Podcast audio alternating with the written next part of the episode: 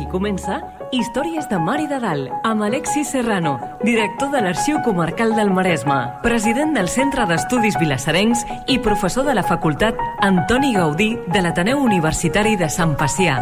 Un programa sobre el nostre passat, les històries, les tradicions, els personatges i el patrimoni de Vilassar de Mar. Una producció del Centre d'Estudis Vilassarencs en col·laboració amb Vilassar Ràdio i sota la coordinació de Núria Gómez. Massa sovint la humanitat ha hagut de fer front a brots epidèmics que han delmat la població. L'impacte de les epidèmies ha condicionat l'esdevenidor de continents sencers. Avui, a Històries de Mar i de Dalt, parlarem de la pesta i de les principals causes de mortalitat a l'època moderna a Catalunya.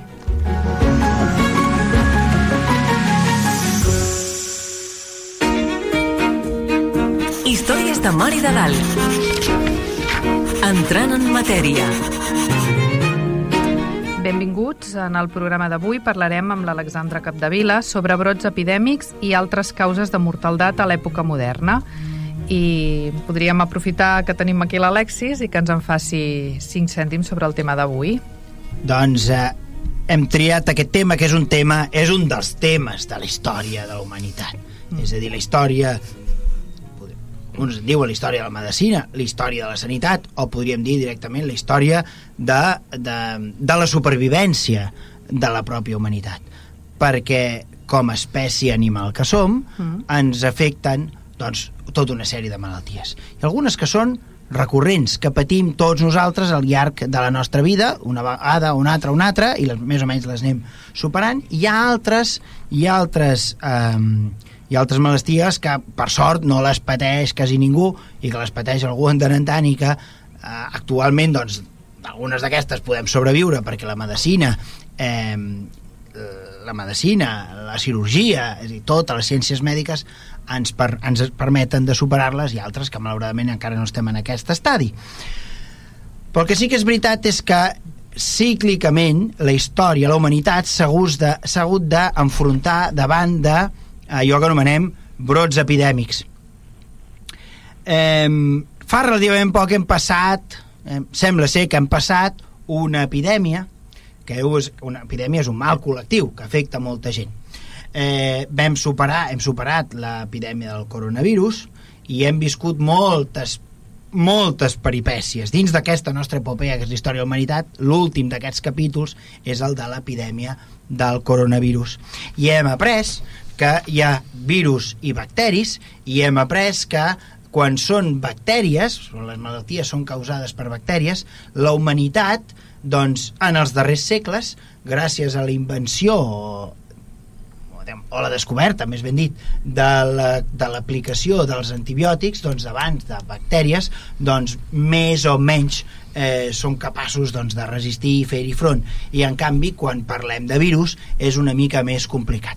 Aquest és un dels ensenyaments que gent no formada en ciència mèdica com jo, doncs hem, hem tret doncs, eh, una, una de les ensenyances que hem tret del, del darrer mm, episodi diguem, epidèmic que hem patit eh, de forma més o menys universal més o menys universal, no, completament universal. No, a dir la realitat és que quan la humanitat no estava tan intercomunicada com ara, és a dir, que tu no agafaves un avió i travessaves tres continents en, en un dia, quan el, el, aquests brots epidèmics estaven més localitzats i estaven ubicats en àrees geogràfiques més o menys concretes i era difícil que hi hagués moviment d'aquests brots, tant si eren de bactèries com si eren eh, de, de virus. Mm, I per tant aquests moviments es movien molt lentament. Eh, ara és més fàcil que un brot doncs, que apareix a una regió, a una regió recòndita de la Xina doncs, en, en menys de 24 hores s'hagi extès. Ho hem vist amb l'èbola, ho hem vist amb el coronavirus, ho hem vist tot un seguit de malalties. Malalties que fins i tot algunes d'elles les consideràvem erradicades i que ara tornen a venir perquè hi ha molt moviment. Eh, moviment, doncs, eh, turistes, moviments migratoris, moviments fins i tot de, eh, de mercaderies que es mouen amb, amb persones o amb, o, amb, o amb aliments que porten tota una sèrie de, de, de d'elements que poden ser perillosos. Perillosos quan? Quan la població no està eh, avasada a haver de fer front aquestes malalties.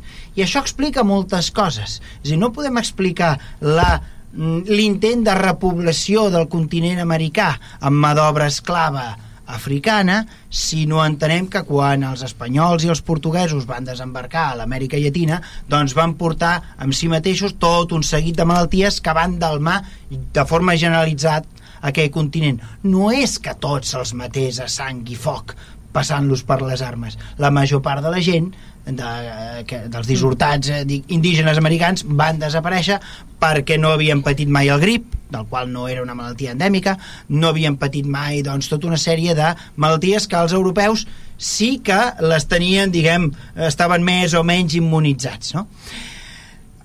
Ja en el, el, la història és gelonada per tota una sèrie d'episodis eh, com aquests. Per exemple, en temps de Pericles, eh, la història grega sempre es parla no, de l'epidèmia del temps de Pericles, l'epidèmia de Pericles.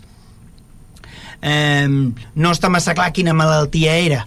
Alguns diuen que era la varicela, altres diuen que era el tifus, eh, altres diuen que potser era còlera, simplement eh, la realitat és que a vegades la descripció que fan els textos clàssics doncs, no permet afinar massa més. Tenim, per exemple, la pesta antonina, en temps del Baix Imperi, quan governaven la casa dels antonins, eh, Marc Aureli Caragala, per exemple. Eh, quan governaven els antonins va haver un episodi eh, que tampoc està massa clar si seria la varicela o, o, el, o el tifus, eh, però bé, a nosaltres pot semblar que la varicela és una malaltia infantil i que de varicela no es mor ningú, però la realitat és que quan la població no està immunitzada davant d'una malaltia com aquesta, doncs mm, la gent desapareix com mosques. Quan parlem de pestes ens ve la, el gran episodi, l'arribada de la pesta negra, que tots sabem, va arribar a, a Europa el 1348-49, entre el 48 i 49, que els europeus, això ens ho diu eh, ens ho diu Boccaccio al Decameron quan explica eh, el, el, el pòrtic o el prefaci del Decameron i ha d'explicar com fa perquè set noies i tres nois se'n vagin al camp i s'expliquin històries. Una època, a la mitjana, que els homes i les dones tenen esferes nítidament separades. No? Com s'ho fa per explicar? Ell diu, eh, la pesta ha posat en suspensió moltes de les, eh, de les normes de conducta social o col·lectiva. Per tant, ell explica la, com arriba la pesta i diu que se sabia que hi havia que a, a, a l'Orient hi havia aquesta malaltia, ja hi havia el coneixement. I se sap que està arribant i quan arriba no, eh, quan arriba eh, ens explica que com, quins són els intents que fa l'Ajuntament de Florència per, per intentar eh, més o menys controlar. I diu una primera cosa que es crea és es crea un negociat, una oficina municipal per gestionar la brossa els residus, perquè saben que la higiene és una bona cosa. És a dir, eh, la gent tenia una sèrie d'intuïcions. Eh, la gran pesta negra causarà estrais. La demografia es calcula que en el gir de pocs anys la demografia d'Europa es baixa gairebé a la meitat. En algunes regions s'ha comptat que són dos terços i en algunes localitats concretes on s'han pogut fer estudis allò de detall, doncs, eh, per exemple, les xifres són encara doncs, eh, 7 vuitenes parts de gent que desapareix. No? Per tant, eh, veiem que té un, un impacte eh, diferent a cada territori. Però una cosa que tindrà eh, l'impacte de la pesta negra és que anirà anant i venint que serà cíclica i anirà anant i tornant. Generalment l'impacte, la major virulència es donarà a l'estiu, perquè una part, aquesta pesta, la pesta negra, es contagia mm, bàsicament amb la, amb la picada de la puça. La puça que eh, el reservori natural són les rates, les rates que han vingut d'Orient, la rata negra, eh, a la sang hi porta eh, aquests elements, la puça pica la rata, la puça pica el nen, pica el gat, pica el gos, pica tothom, i així va contagiant. A l'estiu el cicle natural de la puça fa que reprodueixin i hi hagi més puces a l'estiu que no pas a l'hivern uh mhm. -huh. i per tant doncs això genera més impacte normalment a l'estiu alerta perquè ara som capaços de veure que hi ha dues pestes la documentació pa parla de la pesta o del morbo, morbus, no? malaltia, així, genèric. Quan deia la malaltia referien a aquella malaltia. Però eh, ara sabem que hi ha dos tipus de pesta hi ha la pesta que anomenem bubònica, perquè s'inflen els linfonodes de, del coll de sota les axiles, no? es aquests bubons negres, no? quan això passava és perquè el cos estava reaccionant no? és una bona senyal que el cos reaccioni no? intenta fer front a aquesta agressió i alguns se salvaven la pesta bubònica. Però quan, quan l'impacte era de la pesta que anomenem la pesta pulmonar, no? eh, quan la gent doncs, eh, vomitava sang, no? eh, que això, aquesta, ara sembla ser que aquesta pesta es contagiava eh, pels aerosols, no? per, per, per la saliva que vola quan parlem, no? i aquesta era molt més immediata. Per tant, sabem que hi havia dos pestes que es anaven alternant. A vegades és difícil veure eh, per les descripcions de la documentació de quina de quina mena de pesta parlem. El que sí que és veritat és que des de 1348 fins a 1720, que serà l'últim contagi, no? que s'anomena el brot de Marsella, doncs veiem doncs, que això va anant i venint i que cada vegada que la demografia intenta recuperar-se una mica, doncs ve un contagi i fa que la demografia doncs, caigui en picat i veurem i aprendrem com la societat s'intenta organitzar per fer front a aquests contagis, no? com s'organitzen, com administrativament els ajuntaments, com es fan servir les muralles per com a element profilàctic per aïllar les comunitats, com es tallen els camins, es talla la circulació, s'imposen quarantenes, és a dir, tota una sèrie d'elements que ja hem vist darrerament, degudament actualitzats, perquè ja no tenim muralles, però sí que hem vist, per exemple, confinaments municipals, comarcals, etc etc. Hem vist com, per exemple, ens feien anar nosaltres circulant amb un certificat, si estan vacunats, si no, si havien passat la malaltia, si no, i també hi ha documentació d'època moderna que són el que s'anomenen les patents de sanitat, no? que et diuen si vens d'un lloc on hi ha la malaltia o no, etc etc. I per tant, veiem tota una sèrie d'elements i veiem també algunes conductes humanes, gent que s'intenta saltar els confinaments, gent que s'intenta saltar... I també, per exemple, veiem com hi ha el debat entre, entre frenar l'economia i, eh, eh, i, i posar les mesures més extremes per evitar el contagi. I veiem sempre ja els mateixos arguments, no? que una cosa és no morir-se de pesta i una altra cosa és no morir-se d'inanició perquè has frenat l'economia. De fet, l'últim contagi, el de 1720 a Marsella, arriba una nau arriba una nau de l'Orient on se sap que hi ha un brot d'epidèmia eh, la aquesta nau porta una càrrega d'elements eh, peribles eh, que valen molts diners i per tant hi ha molta pressió perquè allò es desembarqui i la gent diu no, no, però hem de fer la quarantena. I altres diuen no, no fem la quarantena fem, eh, tinguem-ho tinguem menys dies. Eh, s'afluixen les condicions i a partir d'aquí s'extendrà per tot el migdia francès aquest brot d'epidèmia. Per tant, eh, veiem com una sèrie de comportaments que els hem viscut nosaltres fa relativament poc, veiem com tenen una translació, més ben dit, com comportaments antics es repeteixen, mm. s'han repetit en època contemporània.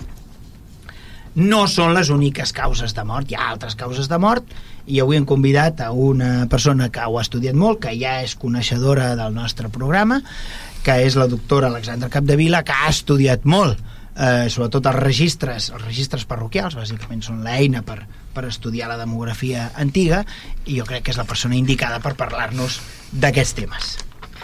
I ara coneguem la nostra convidada d'avui. Històries de Mar i de Dalt. Coneguem el convidat. L'Alexandra Capdevila és doctora en Història per la Universitat de Barcelona, graduada superior en Arxivística i Gestió Documental per la ESAGEC UAP i experta universitària en Genealogia i Arxius per la Universitat de Còrdoba. Fou becària predoctoral i doctoral al Departament d'Història Moderna de la Universitat de Barcelona. Ha obtingut el Premi Joan Regla el 2006 per la seva tesi doctoral i el Premi Luro 2013 per l'estudi sobre la immigració francesa al Maresme. Benvinguda,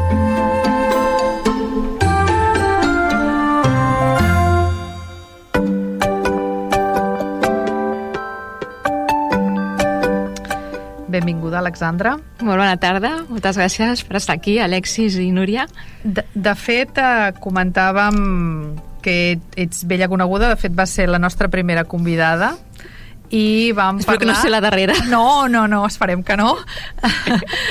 Vàrem parlar sobre la immigració i, de fet, de que aquesta immigració ve aquí també perquè hi ha una... Bueno, la, la societat hi havia passat doncs, alguna epidèmia i hi ha una manca de, De de gent, no? de mà d'obra, no? Mhm. És així, no? Exacte, exacte. És a dir, tenim, pat- patim una crisi baix medieval, Sí. això provoca doncs, que Catalunya constitueixi un món per omplir, hi ha una gran demanda de mà d'obra, els sous són atractius des del punt de vista econòmic, i aquest és un dels molts motius, entre d'altres, que afavoreix l'arribada d'aquests nouvinguts. Mhm. Així és, sí, sí, sí. Bueno, molt bé, molt bé. A mi m'ha quedat l'intriga del 1720, al final mm, van tirar pel dret i allò es van encomanar tot Déu, no? Tot Déu no, perquè, perquè clar, ja duien uns segles d'experiència i com, i com et deia eh, clar, s'expandeix però com que ja hi ha eh, maneres de frenar que ja se sap què s'ha de fer que és frenar les vies de comunicació, interrompre el comerç en determinades localitats, exigir aquestes patents de sanitat, no? aquests certificats, eh, Covid, diríem. Mm. Eh, les ciutats estaven totes més o menys murallades, per tant és, és relativament fàcil aïllar una localitat d'una altra, i quan es fa un cordó sanitari a l'entorn de les poblacions més o menys afectades, s'evita el contagi. Per això el contagi de 1720 mm, al final bàsicament serà eh, al migdia francès i no s'extendrà per tota Europa, perquè ja hi ha un coneixement de què s'ha de fer. Eh, encara no hi ha la vacuna, perquè realment acabem de fer aquesta història, és a dir, la vacuna contra la pesta no la tindrem fins al segle XIX. En el segle XIX, quan un investigador francès, un bacteriòleg francès, s'instal·larà mm, a la zona d'Orient, a la zona de la, de la Indoxina, etc etc. zona de la Índia encara hi ha la pesta que va eh, periòdicament sacsejant a la població, a Europa ja s'havia més o menys erradicat, i per tant eh, aquest, aquest investigador francès, de nom Alexander Yersin, eh, és capaç d'isolar el bacteri i a partir d'aquí doncs, buscar la, la vacuna. Dir que cada any mor gent de pesta. Encara a dia d'avui encara mor gent de pesta. A Europa no, però molta gent es contagia de pesta perquè hem dit que els reservoris naturals són determinats múrids, no? rates, esquirols, i per exemple doncs, al, al, sud dels Estats Units cada any moren unes 12 o 14 persones de, de, la, de la picada de la puça que els hi porta la, la pesta.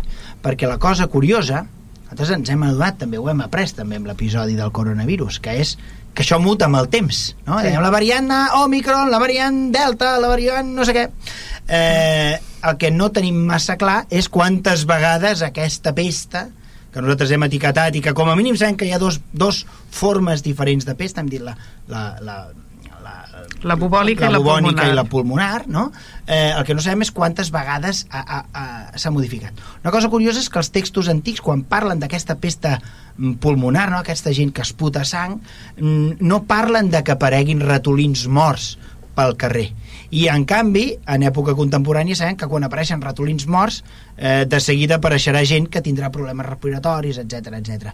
Per tant, no sabem quantes vegades ha mutat. Que ha mutat, segur, però quantes vegades no ho sabem. Mm. I tampoc sabem si ara les cepes eh, que corren ara són més virulents o menys. Molt probablement ho siguin menys, i a més a més tenim capacitat de, sobretot d'aïllar, és a dir, Sí. quan es dona un cas, aïllar, etc etc, evitar que es contagi, que es propagui. Mm. Coses que quan va arribar eh, al segle XIV doncs no tenien la cultura que aniran adquirint amb el pas del temps. Per exemple, l'Ajuntament de Barcelona manava que cada vegada que hi havia es determinava una casa d'un empastat, doncs el que s'havia de fer era anar, cremar la casa, cremar la casa amb tot el que hi havia dins, perquè fins aleshores què feia la gent? Moria la gent d'una casa, anaven i es repartien les flaçades, les màrfegues, els llits... Mm. I què passa? Anaven repartint les Totes pusses. les pusses. Però això, quan el Consell de Cent ja sap que això passa, perquè ho han, ho han experimentat una vegada, una altra, una altra, el que fan és dir, bueno, saps què? Eh, aquesta gent els portem a la morberia o a la casa de Jesús, se'n deien, no? Les morberies eren les cases del morbo, no? Les cases de la, mal, de la malaltia on hi tenien cura d'aquestes persones només els, els franciscans caputxins, que bàsicament era la gent que estava al costat dels malalts. Molts d'ells morien, també, clar Clar. quan els port- portaven a tota la família a casa de Jesús, els que se salvaven, se salvaven i podien tornar, els que no, però quan tornaven trobaven la casa cremada. Que o com a mínim tot el mobiliari cremat. Sí, la imatge que hauríem de tenir és que en molts carrers, per exemple, en alguna població, doncs, en aquests, en aquests períodes de que, hi havia, de que hi havia la pesta, doncs, veure doncs, que hi havia petits incendis controlats de cases que el que s'estaven fent era amb herbes, és a dir, es feia la, la crema amb herbes, amb una fórmula en què després també hi havia vinagre o foc, per, anar, per destruir tot això, perquè desaparegués doncs, a qualsevol rastre per poder doncs, a controlar la, la propagació de la, de la pandèmia. Bueno, Algunes mesures Mm. ens poden semblar una mica esotèriques, sí, no? però alguna intuïció la tenien. És a dir, quan, quan diuen que han de cremar el mobiliari és perquè el mobiliari hi ha les pusses. Sí. Vull dir, alguna intenció la tenen. Que més efectiu que el foc no hi ha res. Ara, si a més a més de cremar tu hi cremes herbes, romaní, que fa bona olor... Eh, bueno, eh, per exemple, tots tenim la imatge d'aquella gent que, està, que enterrava els morts, no? Aquella Mm. imatge apocal, no? Aquelles Sí. màscares, no? Sí. Amb aquells becs, no? Llargs. Era una cosa relativament usual a l'època moderna, que la gent es posés màscares, no? Els balls, les ballades, les mascarades... Bueno, doncs seria una mica com les mascaretes, Sí, clar. És en a dir, en- aquestes en- màscares s'hi posaven esponges amarades de vinagre. clar. Per què? Per evitar mm, ja sabem que per al contagi calia que et piqués la puça, però tampoc Sí. tenim massa clar que mm, l'olor eh, pestilent del mort no contagés. Una altra cosa o els aerosols, a tots les, els fluids... Els... perquè Sí. tampoc insisteixo, no, no tenim massa clar ni nosaltres ara si aquella pesta era la pulmonar o la bubònica sabem que la bubònica es contagia amb la picada de la puça però la pulmonar es, es contagia pels aerosols Sí. llavors ells eh, davant del dubte doncs intentaven prendre totes les mesures possibles Mhm. El que està clar és que no som gens originals. No, la, de, de fet, quan vam viure la pandèmia, crec que tots els Sí. historiadors vam pensar, dic, no hem avançat tant perquè les mesures que es van prendre són, són exactament les mateixes que nosaltres havíem estudiat en la documentació i que havíem vist, i fins i tot els debats, i com bé apuntava l'Alexis, és a dir, a vegades en els llibres d'actes a les universitats, per exemple, a Mataró hi ha un vell debat entre això, entre ser partidaris doncs, a continuar l'activitat comercial o bé evitar-la, tancar i evitar qualsevol contacte que vingui de fora per, a, per evitar l'entrada de, de la qualsevol malaltia. A veure, és veritat que la situació de la, de la medicina doncs, a, a l'antic règim, al segle XVI al segle XVII, especialment doncs, a la península ibèrica, estava a anys llum del que podia ser doncs, a, a Europa. Llavors, el, a vegades això també, doncs, la cultura popular, els refrenyers en fan referència, és a dir, teníem una, teníem una cultura molt rudimentària, Llavors, per exemple, la, la, quina era la praxis de, dels, dels metges? Doncs, bàsicament, doncs, era les sangries, les purgues, els emètics preparats, els mercurials i els compostos múltiples. I d'això, doncs, els refrenyers populars se'n fan ressò i ens diuen sagnies lavatives i ventoses, sempre les mateixes coses. És a dir, que era, que era molt limitat tot el ventall de, de solucions que podien oferir. Mm -hmm. Evidentment, hi havia un gran desconeixement, com ha comentat l'Alexis, sobre l'origen de com combatre la, la, la pesta. Hi havia doncs, eh, tres perfils, eh, els, els doctors en medicina, que eren aquells doncs, que havien passat per les aules universitàries, per als instituts generals, la, aquests eren els encarregats de, de, del diagnosticar, de la diagnosi de, de la malaltia. Després teníem els cirurgians, que els cirurgians doncs, havien passat un procés de 6 anys i després 8 anys havien d'estar amb un mestre, que era el que li, li ensenyava a partir doncs, de conviure amb ell i veure doncs, com, com practicava la, la, la, la praxis, la cirurgia, eren cirurgians i barbers en molts casos, i després teníem els apotecaris. Llavors, el, també el refrenyer popular es fa això, es fa ressò també d'això, és a dir, deien, doncs, la millor societat és aquella en la que no hi ha ni metges, ni cirurgians, ni apotecaris, perquè, és clar, en el fons, tots estaven una mica, doncs, entrellaçats. Participaven del negoci de- Participaven de la del malaltia, negoci. clar. Exacte, exacte. Llavors, per exemple, tenim a Quevedo, que diu a la hora de todos, diu, los médicos matan, son asesinos legales. I també se'ls retreu algo que potser també nosaltres faríem avui en dia, és a dir, que utilitzen un argot incomprensible per la resta doncs, de, de la població, amb l'objectiu sobretot d'impressionar doncs, el, el malalt. I dels cirurgians què ens diu? Doncs cargados de pinzas, tientas, cautiverios, tijeras, navajas, sierras, limas, tenazas y lancetones, entre ellos se oía una voz dolorosa a mis oídos que decía corta, arranca, abre, cierra, despedaza, pica, punza, guijota, rabana, descarna i abraça. Clar, evidentment, si això tot ho sentia avui en dia, clar, com que estem Sí. sedats, Anestesiats. anestesiats, no ens enterem de res, però... Però segurament diuen el mateix.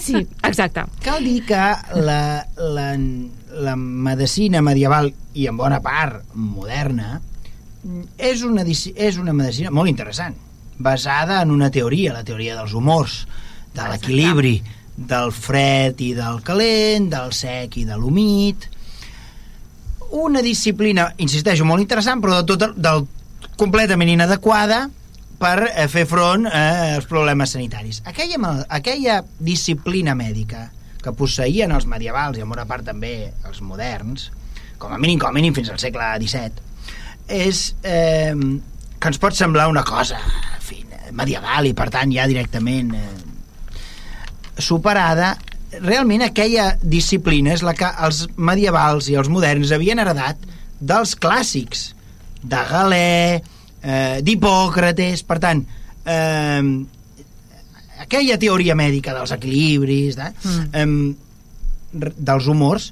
és, és una disciplina antiga.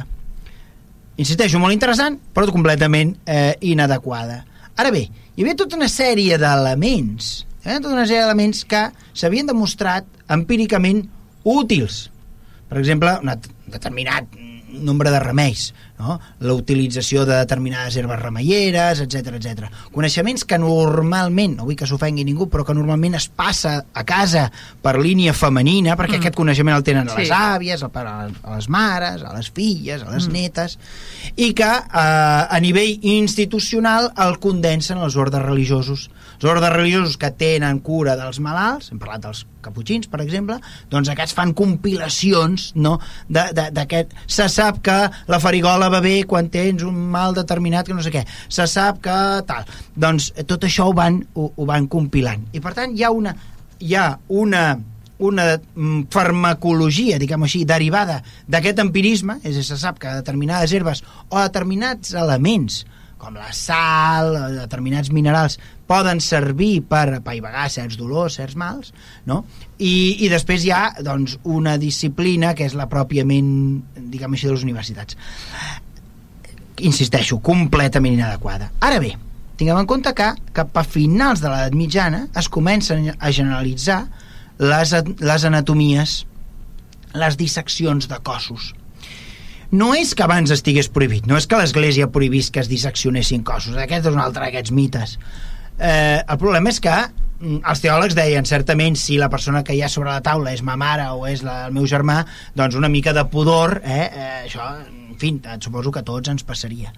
Però a partir d'un cert moment, a partir del segle XIV, veiem que hi ha metges que comencen a disseccionar cadàvers i des d'una manera, des d'un punt de vista que ara consideraríem científic, no? Eh, empíric, de comparar, doncs eh, veiem com van fent, eh, veiem algunes de les seves obres per escrites, no? i veiem, diu, mira, el cadàver que vaig eh, disseccionar fa el mes passat d'una dona tenia l'úter eh, d'unes dimensions. En canvi, una altra senyora que vaig tenia l'úter el doble de gran. I en canvi, doncs, eh, eh, un porc senglar, un exemplar de porc senglar, de porca senglar, eh, tenia vuit vegades l'úter encara més gran, no? I, I veiem com hi ha aquest element de comparació. Això comença a aparèixer però òbviament eh, el coneixement és acumulatiu i quan es produeixen determinats mals que arriben gairebé d'un dia per l'altre, com serà el cas de la pesta negra, doncs no hi ha ningú que sigui capaç de fer front. De fet, Boccaccio, el de Cameron, bé que ho diu, diu els metges cobraven unes sumes per fer per emetre aquests diagnòstics i a l'hora de la veritat no salvaven a ningú.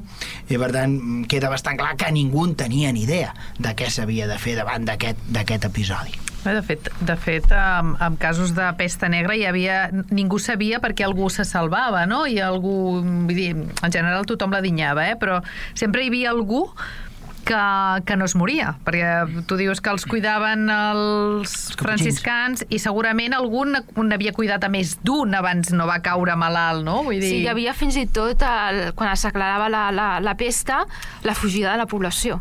És a dir, tenim documentats, per, i això té conseqüències a, eh, en la documentació.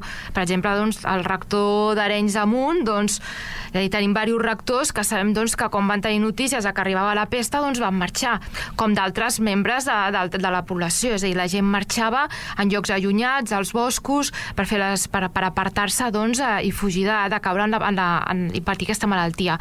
I després també hi havia qui es contractava, perquè clar, la gent fugia i llavors aquí tenim de nou doncs, quins, quina és la població que serà contractada per fer aquestes tasques més complicades, més feixugues i més ingrates, com és per exemple doncs, la, la inhumar els cossos, i en aquest cas doncs, seran molts els immigrants francesos. És dir, la població, és a dir, la, la població més baixa en l'escalafó social, la que, que necessita econòmicament més diners, doncs en molts casos serà aquests. I després també els cirurgians. Tindrem doncs cirurgians que són contractats a la morberia per assistir doncs, a, als, als malalts.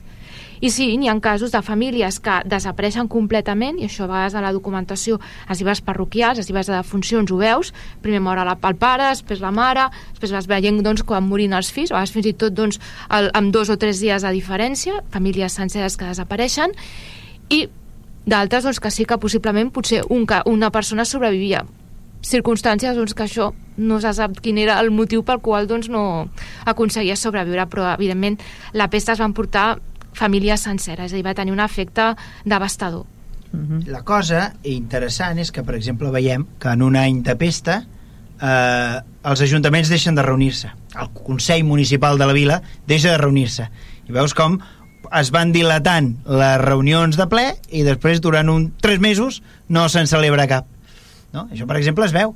Sí. Es veu, per exemple, també que el notari el notari, doncs, eh, el volum del notari aquell any es fa a la meitat de, de prim i l'any següent era el doble perquè vol dir que la gent ha deixat d'anar al notari i l'any següent doncs, el volum s'ha fet més ample perquè ja no hi ha el problema. Aprofita. El notari ha baixat la persiana i jo tanco, no? I això, això és fruit del el lockout, diguem-ho així, no? El tancament, no? El confinament sí. eh, que dictaven les administracions. I això, en les, en les, diguem així, en les feines que generen producció documental, doncs es veu. Hi ha una davallada Els de la producció documental. també. Els llibres sí? de funcions et trobes fulles en blanc Ah. O, o, per exemple, doncs, allà un que diu eh, des, eh, pàgina destinada a anotar a totes les persones que van morir la morberia però finalment no van quedar emplenades. És a dir, ah. té uns efectes en la documentació.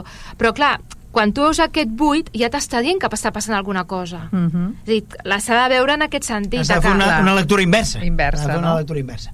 L'altra cosa, l'altra cosa interessant és mm, això, aquestes famílies que desapareixen, mm, és què passa després, què li passa a la societat després que vingui un impacte epidèmic.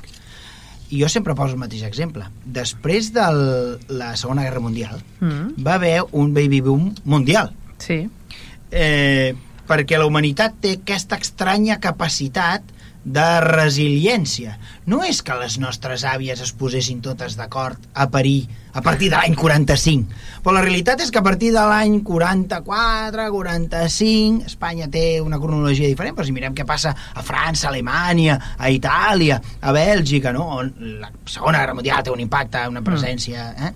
Eh, notable, veiem com hi ha un, un... el baby boom es produeix això a partir de l'any 45, 46, 47, hi ha un, un un creixement demogràfic, és a dir, hagut una grandíssima mortaldat, però en canvi hi ha un gran reneixer. I això passa, per exemple, al segle XV. Quan ha vingut la pesta negra, veiem com mm, no, l'endemà, però vull dir que al cap de poc temps veiem com la demografia comença un altre cop a pujar. Hi ha un element que és que és, que és no deixa de ser paradoxal. De fet, els historiadors ara quan parlen de la crisi baix medieval li posen totes les cometes del món, li posen mig quilo de cometes perquè de la crisi que s'esdevé mm, des d'un punt de vista demogràfic per l'impacte negatiu de la pesta negra hem dit que la meitat de la gent desapareix vol dir que si en aquesta taula la meitat de la gent vol dir que si aquí són quatre fent el programa doncs dos deixaríem de ser-hi què significa? que els altres dos l'endemà de que ha passat el brot la cultura material és la mateixa. Hi ha el mateix nombre de cases, hi ha el mateix nombre de carros, hi ha el mateix nombre de bestiar, hi ha, el mate hi ha les mateixes terres, hi ha la mateixa producció cerealícola, mm significa que l'endemà els que han sobreviscut es poden alimentar millor, tenen més béns, tots han heredat. I per tant l'economia reviscola, per això dic que s'han de posar mig quilo de cometes quan parlem de crisi, perquè crisi què vol dir? Demogràficament sí, però des d'un punt de vista econòmic, després de l'impacte de la pesta negra, veiem un ressorgir. De fet, si mirem la cultura material, és a dir, els elements arqueològics a partir de la pesta, veiem que la gent vesteix millor els quadros, no? a la iconografia veiem que la gent vesteix millor, que les cases són millors, les cases són més grans, veiem com la gent s'alimenta millor. Tots els formatges, Europa és un continent de formatges. Els formatges nacionals de tots els països neixen a partir de l'impacte de la pesta fins aleshores, tots els camps es dedicaven a pastures per fer gra, per alimentar la gent, i mai eren suficients, sempre s'havia d'importar gra de fora, etc etc. Però a partir de que tens la meitat de la població, aquells camps es poden destinar al bestiar. Per tant, la gent pot menjar mm, carn, sí. però és que a més de, el nombre de, de carnisseries puja a tota Europa a partir de la pesta negra, perquè la gent pot menjar carn, però és que a més a més hi ha moltes, molts camps que abans eren dedicats als cereals, que ara seran dedicats a dues coses, a produir eh, bestiar i per tant llet, formatge, mantegues, derivats eh, i per l'altre costat la producció del vi, el consum del vi pujarà fins al cel. Aquest és l'altre tema que ha estudiat la doctora Capdevila és a dir, l'època moderna serà la gran època de la producció vitivinícola. A l'alta edat mitjana la producció vitivinícola havia tocat mm, mm, límits baixíssims. Per què? perquè la terra s'havia de dedicar a fer gra que per unitat de superfície és el que permet treure el ventre de pena de més gent mm. i per tant quan tu t'havia crescut molt la població no tenies prous aliments, tota la terra era dedicada al gra a partir de que ja no tens tanta gent la pots dedicar a altres coses i a partir d'aquí fabricarem molts formatges i molta carn i fabricarem molt de vi significa que diversificarem l'alimentació no només dels més rics, sinó que més o menys tothom. tothom podrà menjar carn de forma més o menys sovint. I és per això que tenim cada vegada més carnisseries i més formatges i més vi, etc. Bueno, de fet, diuen que, que també és antisèptic el vi. Sí, que de fet dic que les crisis són oportunitats i en aquest cas jo crec que va ser la gran oportunitat. I, i en el cas de la, de la crisi del, del 1650-54, de, la, de la pesta que nosaltres comentàvem, sí que s'observa, perquè a diferència de l'època medieval, aquí tenim els llibres parroquials, sí que s'observa doncs, aquesta voluntat de tirar endavant, és a dir, les viudes, els viudos, casen de nou, és a dir, veus que celebren segones núpcies. És a dir, seria una mica el que ens, ens hem trobat amb la pandèmia, és a dir, s'ha de comentar doncs, que aquests anys que hi ha hagut el, aquest impacte de la pandèmia, que hem hagut doncs, estar tancats a casa, que mm. no s'han pogut celebrar casaments o que la gent no els ha, els ha retardat, doncs que hi ha un boom de casaments, sí. doncs això també es detecta en, en la documentació en els llibres parroquials a partir de 1655-56, un augment del nombre de, de casaments. Això que ens està dient? És, dir, és una variable econòmica, els casaments. Mm. La gent es casa quan hi ha una bonança econòmica en moments de, de crisi o de dificultat ho aplaça. Uh -huh. I així que veiem, aleshores, en una societat com és l'antic règim profundament catòlica, doncs en què els fills es tenien amb el 99,9% dins del matrimoni, doncs es casen i després veus doncs, un augment de la, de la natalitat i això doncs, suposa per les, per les societats demogràfiques de l'antic règim redreçar i recuperar doncs, l'impacte que havia suposat aquestes pèrdues humanes. Uh -huh. A mi m'ha quedat abans d'una cosa que has explicat, que en aquell moment ja hi havia el que se saltava els confinaments, el que ja mirava de... Això també ho trobem sí. en els llibres? Que, que l'han pillat per saltar-se el confinament? Sí, sí, oh, sí. Que bo, no? I les administracions doncs, tenen dues maneres d'actuar o, o actuar de forma amb multes o bé directament des d'un punt de vista de la, la justícia era bastant més expeditiva en època moderna i per tant no tenien penes, tanta documentació. Sí que hi havia documentació però estava són, saturada. Les penes corporals són quelcom mm, radiament és a dir una, que, et, que et fuetegin o que, en funció de qui sigui de quina sigui l'administració. És a dir, mm, quan l'administració és municipal doncs les penes tendeixen a ser menys menys, eh, diguem així, sanguinàries. Però si el que governa és un feudal que encara ostenta doncs, poders i la jurisdicció sobre la gent, si té capacitat doncs, d'imposar doncs, determinades penes, s'imposen. Europa és molt gran i tenim exemples de tota mena. Però que sempre hi ha la pulsió, l'intent de saltar-se el confinament perquè, per poder vendre els teus productes, etc etc. doncs això ja ha estat sempre. Un altre element és l'ús de les muralles com a element profilàctic, Tenim, per exemple, algun cas, el cas de Mataró, que eh, les muralles intenten salvar els de dins respecte al contagi que hi ha fora. Però quan el contagi està dins, la gent surt de la ciutat i es tanquen a dins els malalts. I el que es fa és llançar els i fugasses de, pan, de pa des de fora eh, cap o amb un pal també es van posant el, ells els, dir, pugen al pal en què pugen doncs, l'aliment i ells el retornen amb els diners és a dir, hi ha tota una, sí, sí, sí, una roca és a dir, la, la, la muralla serveix com a element de, de separació eh, o separes els malalts que estan fora i no els deixes entrar, o quan tens més malalts dins que fora, doncs deixar-los tots tancats dins i que no surtin. Eh, és una mica en fi, a, a grandes males eh, grandes remedios, remedios, sí, no, no però que realment penses, ostres, que moderns que som i tal, i resulta que això sí, i, ja i estava inventat. I després també, a vegades, revisant una mica el, de cara doncs, a, la, a la preparació, llegia una, una anècdota que m'ha fet pensar una mica això del el tema doncs, del Covid, és a dir, allò de que a vegades fem un pas endavant i havíem de fer un pas enrere. Doncs en el cas doncs, d'Arenys Amunt, estem parlant del que deia una societat profundament catòlica i que a més a més considerava que totes les desgràcies eren provocades doncs, perquè la població havia fet alguna cosa que això havia enfadat i havia despertat mm. la, la ira de, de, de Déu. Llavors, portaven cinc mesos sense tenir notícies de cap pesta i van celebrar un Te Deum. Llavors, la celebració del Te Deum es fa dins la parròquia, això concentra a molts uh. feligresos. Per tant, pensem una mica amb el tema del Covid, que s'havia de respectar la distància social i de seguretat, i que després, doncs, per exemple, les reunions de Nadal o les festivitats, sí. Sant Joan, etc etc i que després teníem una pujada de contagis. Doncs aquí, efectivament, va haver-hi una celebració del Te Deum, tothom es va concentrar a la parròquia, i vam tenir la segona onada de, de, de Covid, no? De, de pesta. De pesta, de pesta. No, no vull fer-me pesat, però encara, encara al Decameron trobem una mateixa explicació. El, el, el, Decameron s'explica eh, que eh, ho diu, diu, quan això, quan es va produir el contagi de la pesta, el primer impacte de la pesta negra, diu, eh, hi havia metges que feien la seva, el seu negoci, etc etc. diu, i la gent devota feia prerrogatives, processons... És curiós perquè a nosaltres ens ve la idea de pensar que tota la societat feia prerrogatives i, i processons. I en canvi, el de Cameron ens diu la gent de vota vol dir no tothom, els que hi creien, eh? perquè eh, sempre, al, al final l'individu compta, eh? els que creien, aquella era una societat profundament eh, catòlica i, i des d'un punt de vista era molt compacta, però quan es feia una processó no és que hi hagueren d'anar tots els ciutadans no. a formar, vol dir que hi anava qui volia i per tant és curiós que eh, el de Cameron diu això, la gent de vota feia això pues és curiós que això ho veiem amb el primer impacte de la pesta negra, però ho veiem amb l'episodi amb Miquel Parets, el, el llibre el dietari que hi publica, que, el dietari d'un any de pesta, que està publicat, Exacte. em sembla, per edicions 62, uh -huh. eh, ell explica contínuament les prerrogatives que organitzava el Consell de Cent de Barcelona, no? I, i que si una, una processó eh, amb el Santal, amb un altre sant, amb una prerrogativa, unes, una, això, eh, celebracions de Tedeums, etc etc, que congregava, congregaven Clar, a molta, molta gent. gent. I en canvi, el mateix Miquel Parets també diu que molta gent refusava d'anar per no per no estar envoltada de gent.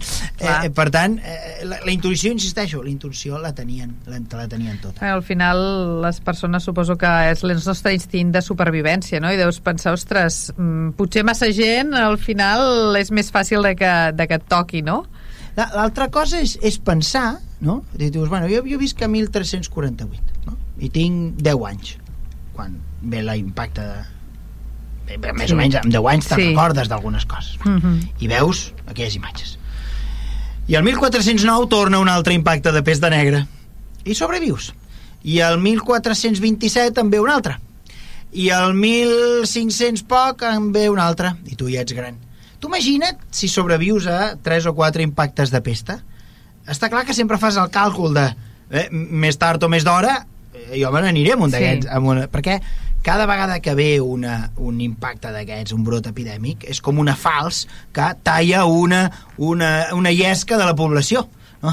I, i, ara talles la meitat, ara talles un terç, ara talles una cinquena part, però està clar que si tu vas sobrevivint, aquests, tu vas fent aquest càlcul.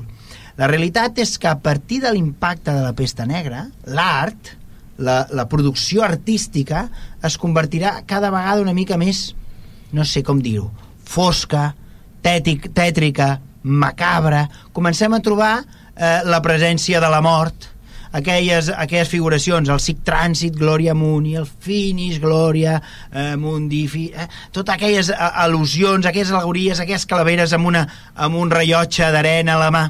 Eh, comencem a veure que la l'art la, es, va, es va convertint en, en quelcom una mica menys mm, com dir-ho eh, és a dir, d'aquelles figures de Giotto abans de la, de la pandèmia mm. l'art que vindrà després ja no dic en època barroca que serà el súmum sí, però també serà el súmum de l'impacte d'aquestes mm. pestes eh? doncs veiem que això genera un impacte és a dir, que no tots són flors i violes hem dit que hi ha un, unes eh, unes eh, noves expectatives que s'obren, hem dit que tothom hereda, hem dit que tothom té accés a una cultura material doncs, que, que fins aleshores estava limitada, però també és veritat que això genera una manera d'estar en el món diferent. Una, una, hi, ha un, és a dir, hi ha un impacte psicològic també. És a dir, a diferència del que tenim nosaltres, la societat avui en dia, en què la mort és un tema que està apartat, doncs la, la, la societat de l'antic règim és una societat molt familiaritzada amb el tema de la mort. És algo doncs, que una, una parella, un matrimoni, té molts punts que un dels seus fills no arribi a l'edat adulta i mori doncs, sent, una, sent una criatura. Per exemple, tenim un cas doncs, de la família Francesc Gelat, de Santa Susana, que dels nou fills que va tenir, només cinc van arribar a l'edat adulta es calcula doncs, que gairebé una mica més de la meitat de, de les morts corresponien a infants, mm. és el que surt a la documentació com el BATS, que és infants que encara no havien rebut el sagrament de la comunió, se, se situa al voltant de, dels 12 anys. És, una, és, un, és un segment de la població que a vegades està superenregistrat i que no queda ben anotat en la documentació. Per què? Doncs perquè la documentació té una finalitat econòmica, sorgeix inicialment es dives de funcions. Per què? Perquè el rector el que feia era anotar aquelles persones doncs, que morien a la parròquia i que en funció de si se li celebraven doncs, més a, hi havia doncs, més capellans, la presència d'escolans, si hi havia un ciri, en funció doncs, del tipus d'enterrament de, de, o, o d'ofici religiós que se li feia pagar una quantitat o, o, o menys i en el cas doncs, de les criatures aquestes pràcticament no pagaven res. Per tant aquests hi ha un subenregistrament no serà fins a mitjans del segle XVII principis del XVIII quan quedaran enregistrats. Però el que anava és hi ha una gran familiaritat, una convivència amb la mort. Els fusars estan a la, al, enmig a, a la parròquia, al costat mm. i les parròquies estan al centre de la població. I per tant sí. això també fa que la mentalitat sigui molt diferent i que l'impacte de la pesta doncs, en molts casos doncs, en una societat profundament catòlica doncs, aconseguir doncs, doncs perquè, perquè hem fet alguna cosa malament, Déu ha volgut així, és a dir, aquesta, aquesta actitud. Llavors, per exemple, sabem que a Mataró, a l'any 1652, el rector, per eh, una mica reconciliar-se i aconseguir doncs, el favor eh, eclesial, doncs, eh, pren mesures té notícies doncs, que la pesta sembla que va minvant i llavors una mica doncs, per congratular-se i per no despertar la ira doncs, de, de Déu, pren mesures contra doncs, contra els pobres ociosos, contra les prostitutes i contra els homosexuals, perquè es pensa doncs, que aquests són els sectors de la societat culpables. I és un, hem d'interpretar doncs, amb una societat amb una altra mentalitat respecte doncs, a, la que, a la que tenim avui en dia. Bueno, això fa quatre dies també hi havia la, la, la llei de vagos i maleantes, no? Vull dir que és cíclic també, eh? És el fet de pensar que mereixes la culpa, mereixes el, el, el, el càstig que t'està caient i òbviament has de buscar culpables. Sí. I si tu, tens, si tu consideres que tu tens una vida exemplar i altres no tant, doncs vol dir que potser tu tens la responsabilitat de que aquella gent està fent el que no correspon. Però insisteixo, no, no, no ens correspon a nosaltres jutjar. No, clar. Una cosa interessant és veure com, per exemple, les pràctiques eh, relatives a, a la sepultura i al post-sepultar canviaran a partir de l'impacte de la pesta negra. Durant tota l'edat mitjana és relativament freqüent veure com la gent encara fa el que feien els romans.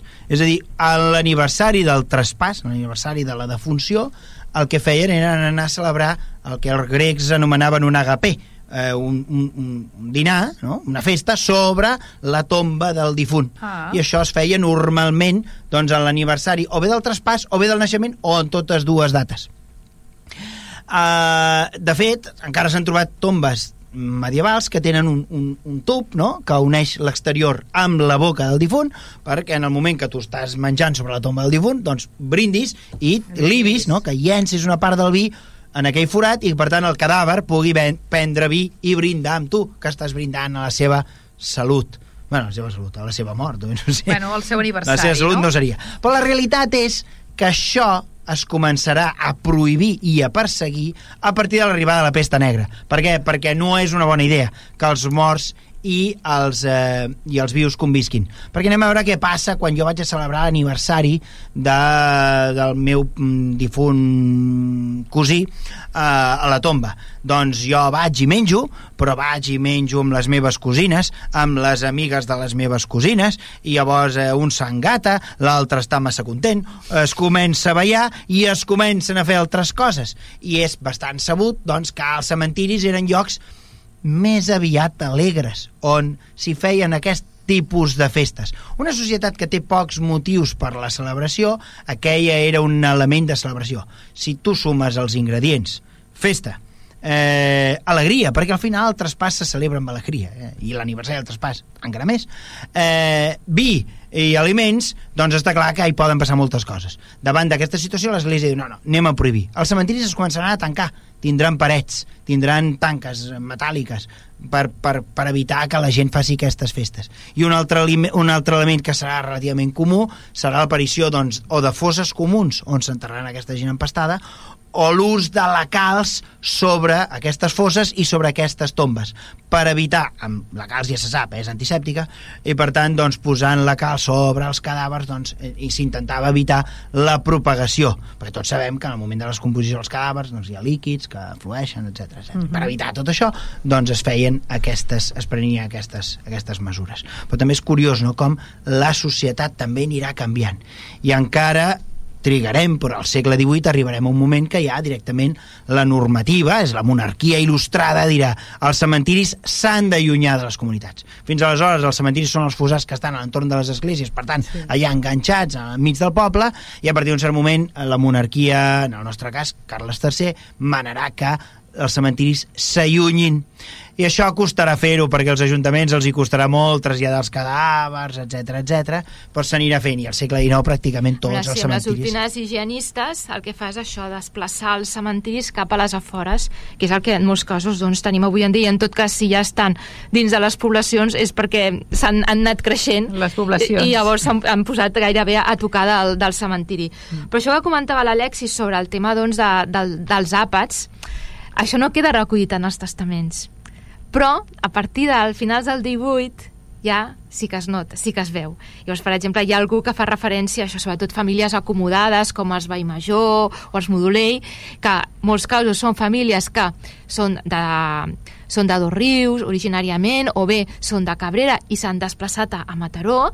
Llavors el que demanen és fer una celebració d'un gran dinar després del seu enterrament perquè reuneixi tot el poble o els seus treballadors. O sigui, també una mostra també doncs, una mica de, de, del seu poder econòmic, que tothom vegi doncs, quin és el poder econòmic d'aquella família, i també tenia aquesta finalitat una mica d'aquest àpat de funerari, una mica doncs, reforçar els vincles amb la família, és a dir, havia, havia desaparegut el pare, l'avi, la mare o l'àvia, però la família seguia unida i una mica doncs, es transformaven els rols.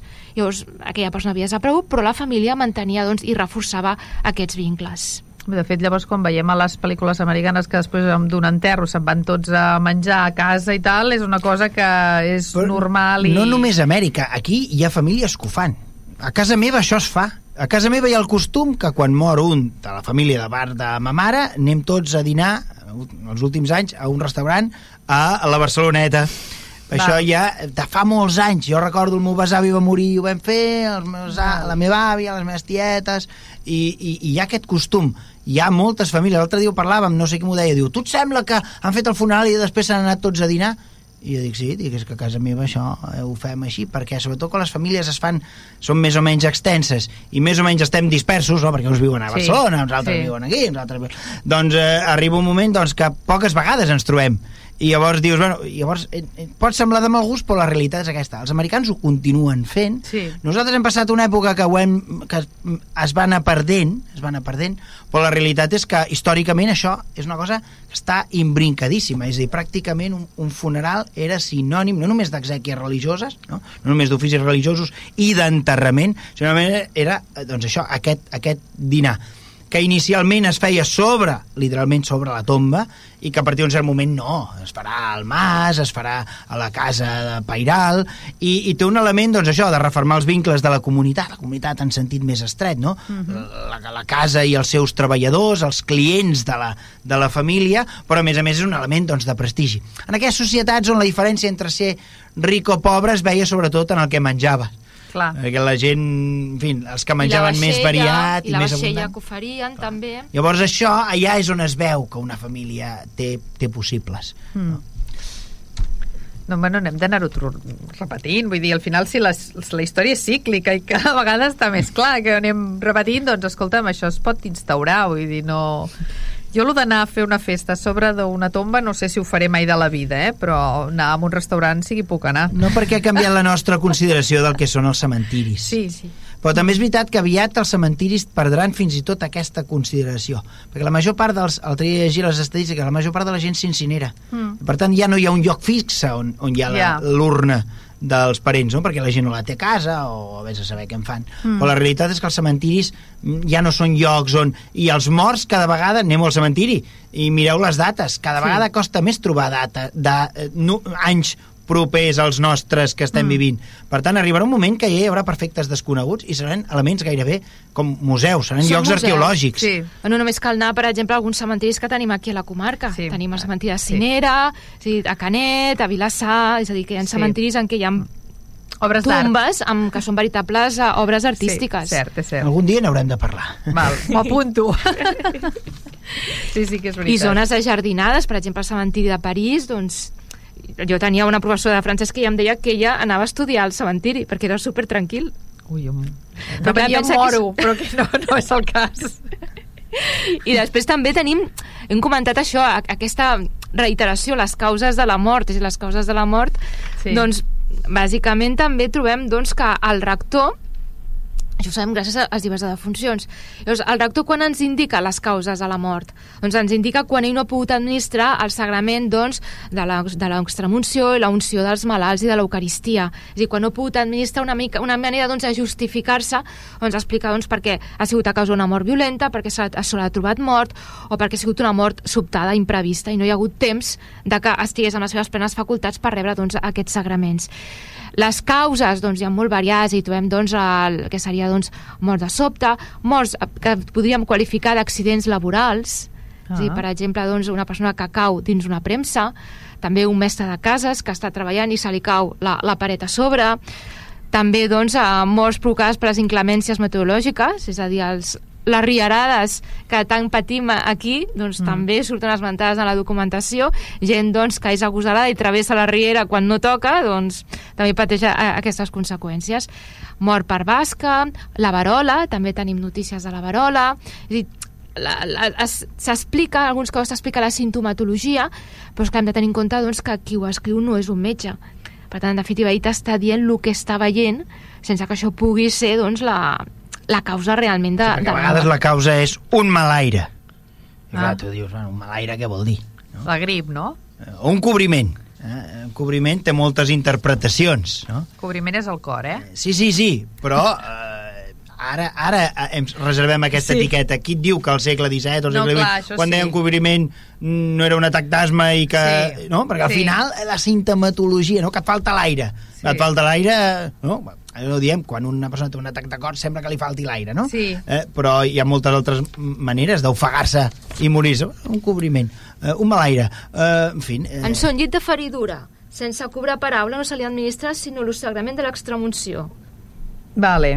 Perquè en el cas de quan tenien la pesta, suposo que el, ca eh, el capellà no anava de fer-los la, bueno, l'extremunció, no es diu això? Sí. sí. No, no, no, no, llavors el, el que et trobaves és, és, és la referència a que aquella persona havia mort ja està, el que passa que com que en molts casos la, al final el, el rector no hi és quan ho anota, sinó que simplement se li fa notícia al sí. cap de setmanes i mesos, llavors hi ha aquest subenregistrament i et trobes, doncs, quan tu estàs fent un estudi d'alguna família, no trobes la defunció d'aquella persona, és possiblement perquè aquella persona va morir durant l'episodi de, de la pesta i no va quedar degudament recollida. Després també tenim algunes doncs, eh, molt curioses, com per exemple doncs, una en què ens diu el rector que va morir de pura bellesa Ah, això és de vell, no? De vell. O d'altra, encara més filosòfica, d'una malaltia incurable, que és la bellesa. Ah, bueno. Tenim poetes, també, entre els, entre els capellans. Ho hem de deixar aquí perquè se'ns ha acabat el, el temps. Podem seguir un altre dia parlant-ne perquè segur que dona per, per molts uh, altres dies. Uh, moltes gràcies, Alexandra. Gràcies a vosaltres, un plaer.